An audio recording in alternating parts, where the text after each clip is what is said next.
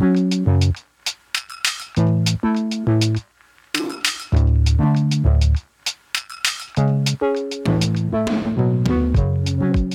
hej, Dan Magnusson heter jag och jag har prostatacancer.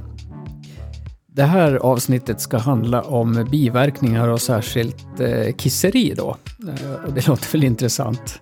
Men jag tänker det här med biverkningar, det är ju någonting då som man kanske funderar på rätt mycket om man ska välja behandlingsmetod.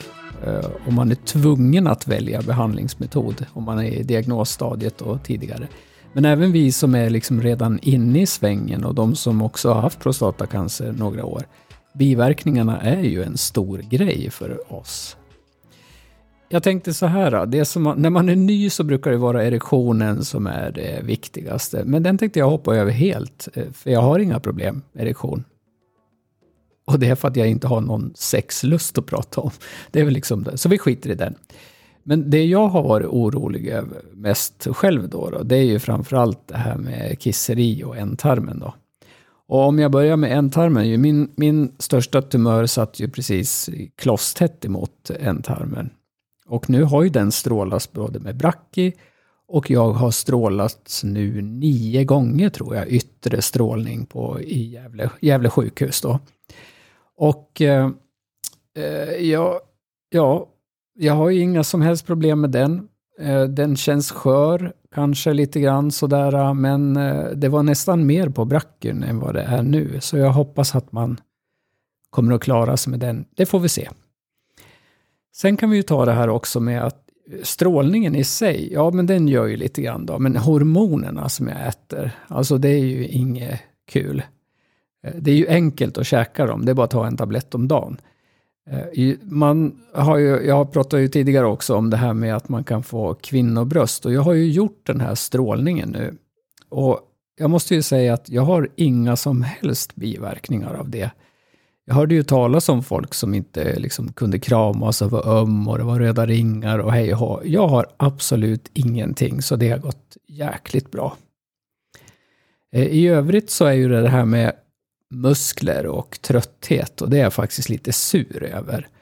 Eh, för att jag menar det här med muskler, man borde ju tala om för alla som käkar hormoner att ni ska fan med träna hela tiden. Inga avbrott, avbrott heller, utan kör på med det här. För tappar ni så är det nästan omöjligt att få tillbaka det under den tiden man käkar hormoner i alla fall.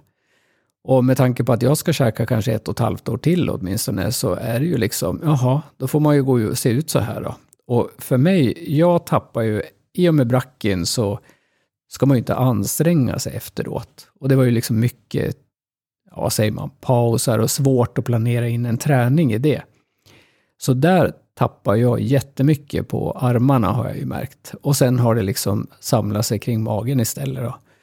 Så för mig har ju det inneburit att det är bara vissa byxor jag kan ha nu och jag tvingas gå upp en storlek i kalsonger och har fått köpa nya. Och ja, snygg är man ju inte heller, men det spelar kanske inte så stor roll. Det var jag nog inte innan heller, men det känns ju jävligt tråkigt att, att man inte har fått det. Liksom. Jag har tittat i min vårdperm.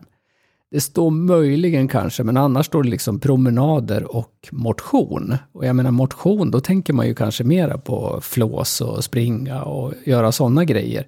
Men det är styrka som gäller. Det är liksom styrketräning. Så ni som, ni som ska stråla, eh, sätt igång och träna. Det, det, så är det ju bara.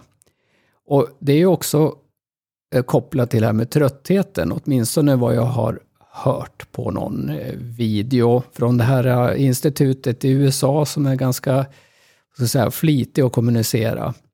Eh, det var ju någon patient där också, men ah, ja, alltså tappar man det här, de här hormonförändringarna gör ju att man blir trött och jag sover ju en sväng varje dag. Och, och det kanske inte är en sån jobbig biverkning, men det är ju, vad fan ska man verkligen behöva sova en sväng liksom?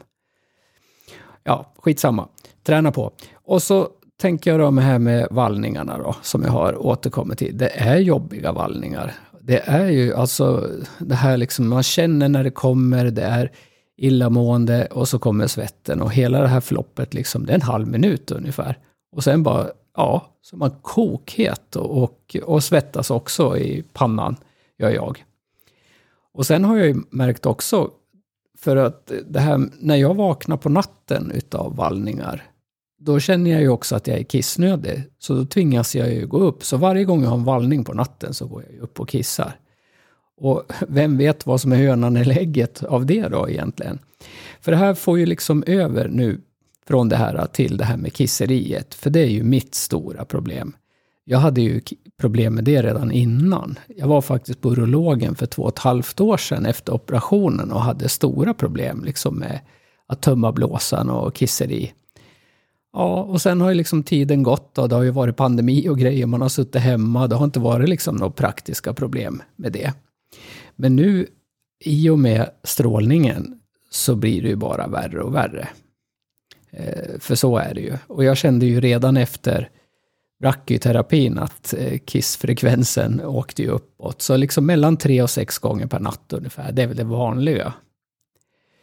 Och eh, då är det ju så här, mitt i den här strålningen nu som jag gör då, då så då ska man ju tömma blåsan för ett besök en timme före. Man ska dricka fyra deciliter och sen så efteråt så är det ju liksom panik. Då springer man ju på toan och, och ska kissa. Och det bästa vore väl då om man kunde tömma blåsan. Men det kan ju inte jag.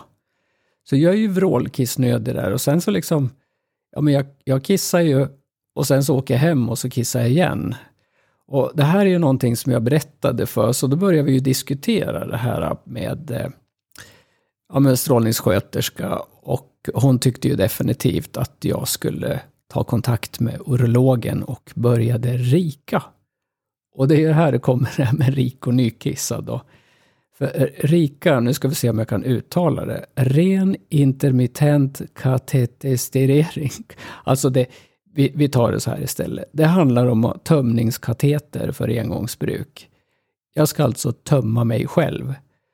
Och då är det inte liksom någon lustfylld spermietömning, utan det, här, det handlar alltså om att tömma sin egen urinblåsa. Och jag vet ju att jag kollade ju på det här redan för något halvår sedan och liksom personligen så tycker jag, fan det är ju rena mardrömmen att behöva göra en sån här grej, liksom sticka in en kateter genom snoppen och ända upp i blåsan. Och samtidigt då så tänkte jag så här också, där kommer jag att hamna. Och, och det, det, är ju det som, som är på gång nu då, eller redan har hänt kan vi säga. För i fredags, då hade jag en tid på urologen, där vi skulle prova det här helt enkelt. Då. Man tvingar ju ingen, men jag, jag, jag sa ju också till redan till strålningssköterskan. Det, här, det känns som en mardröm samtidigt som jag tycker att det skulle vara fruktansvärt praktiskt i vissa tillfällen att kunna göra det här. Så vi provade. Jag fick en sån här kateter och fick lära mig hur man liksom, ja, men, hanterar hygien och liknande och sådär. Och så började jag med en och så tog det stopp. Och eh, sköterskan provade också, men det var stopp.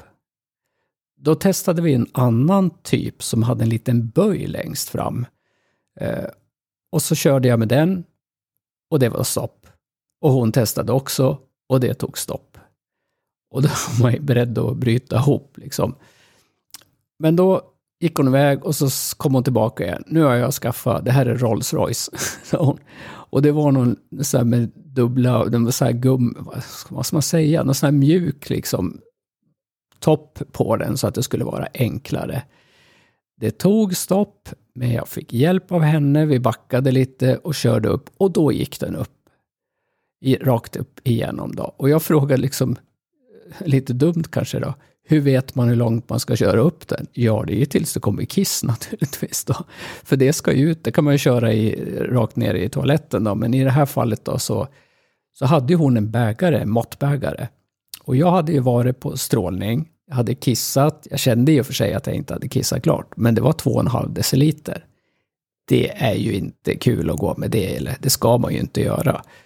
Så man kan ju säga efter tredje här lyckade, då var det ju nästan som man svävade på moln ungefär. Eh, samtidigt då så är det ju liksom, det här är ju, jag vet inte vad man ska säga. Alltså nu, nu har det gått från mardröm till att det är jävligt pinsamt, krångligt, ja, obehagligt på något sätt. Eh, det känns ju inte sådär jättekul. Så jag tänkte att jag skulle vänta hela helgen och, och köra igång idag, egentligen måndag. Men jag började i lördags. Eh, den första, jag började, det här var på eftermiddagen. Vi skulle iväg, så jag öppnade förpackningen på en och tappade den i toan. Det var, det var första försöket. Helt värdelöst. Och sen så tog jag upp, nästa gick det bättre med, men det var ju stopp. Jag fick ju inte igenom den. Och jag kände mig så jävla misslyckad och dålig. Det, det här förstörde ju ett teaterbesök, får jag väl kalla det för, totalt. För vi åkte iväg till Gävle teater, det var Fredrik Lindström som hade liksom en föreställning där.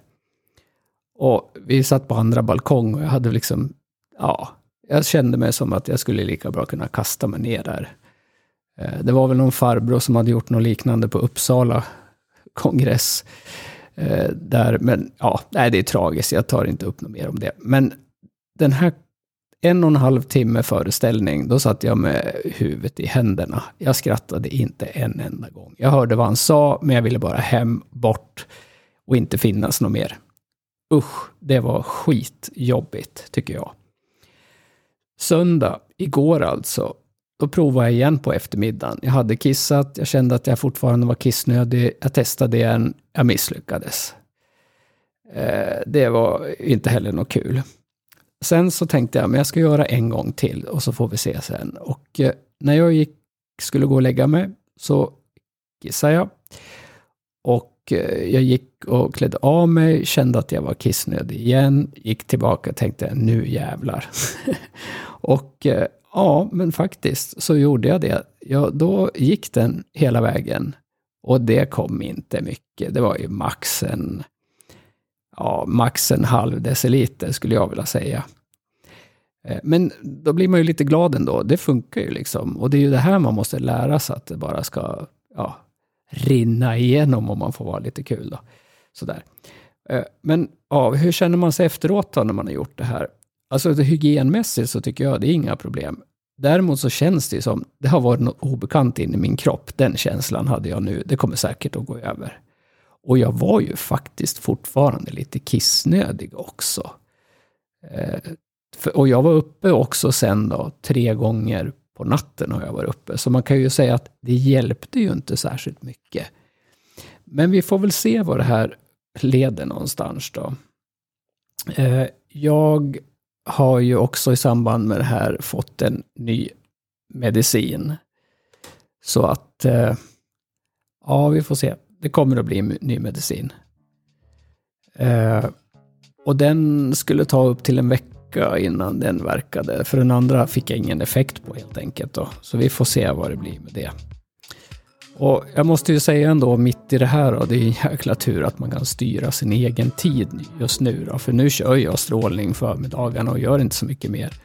Och sen eftermiddagarna försöker jag jobba då med min firma.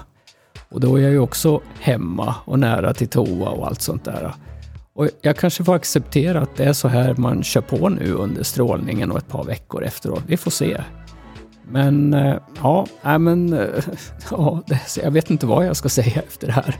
Eh, jag tycker väl ändå liksom att det är bara att kämpa på. Vad fan ska man göra? Det är bara att tuta på. Så vi hörs framöver. Hej då!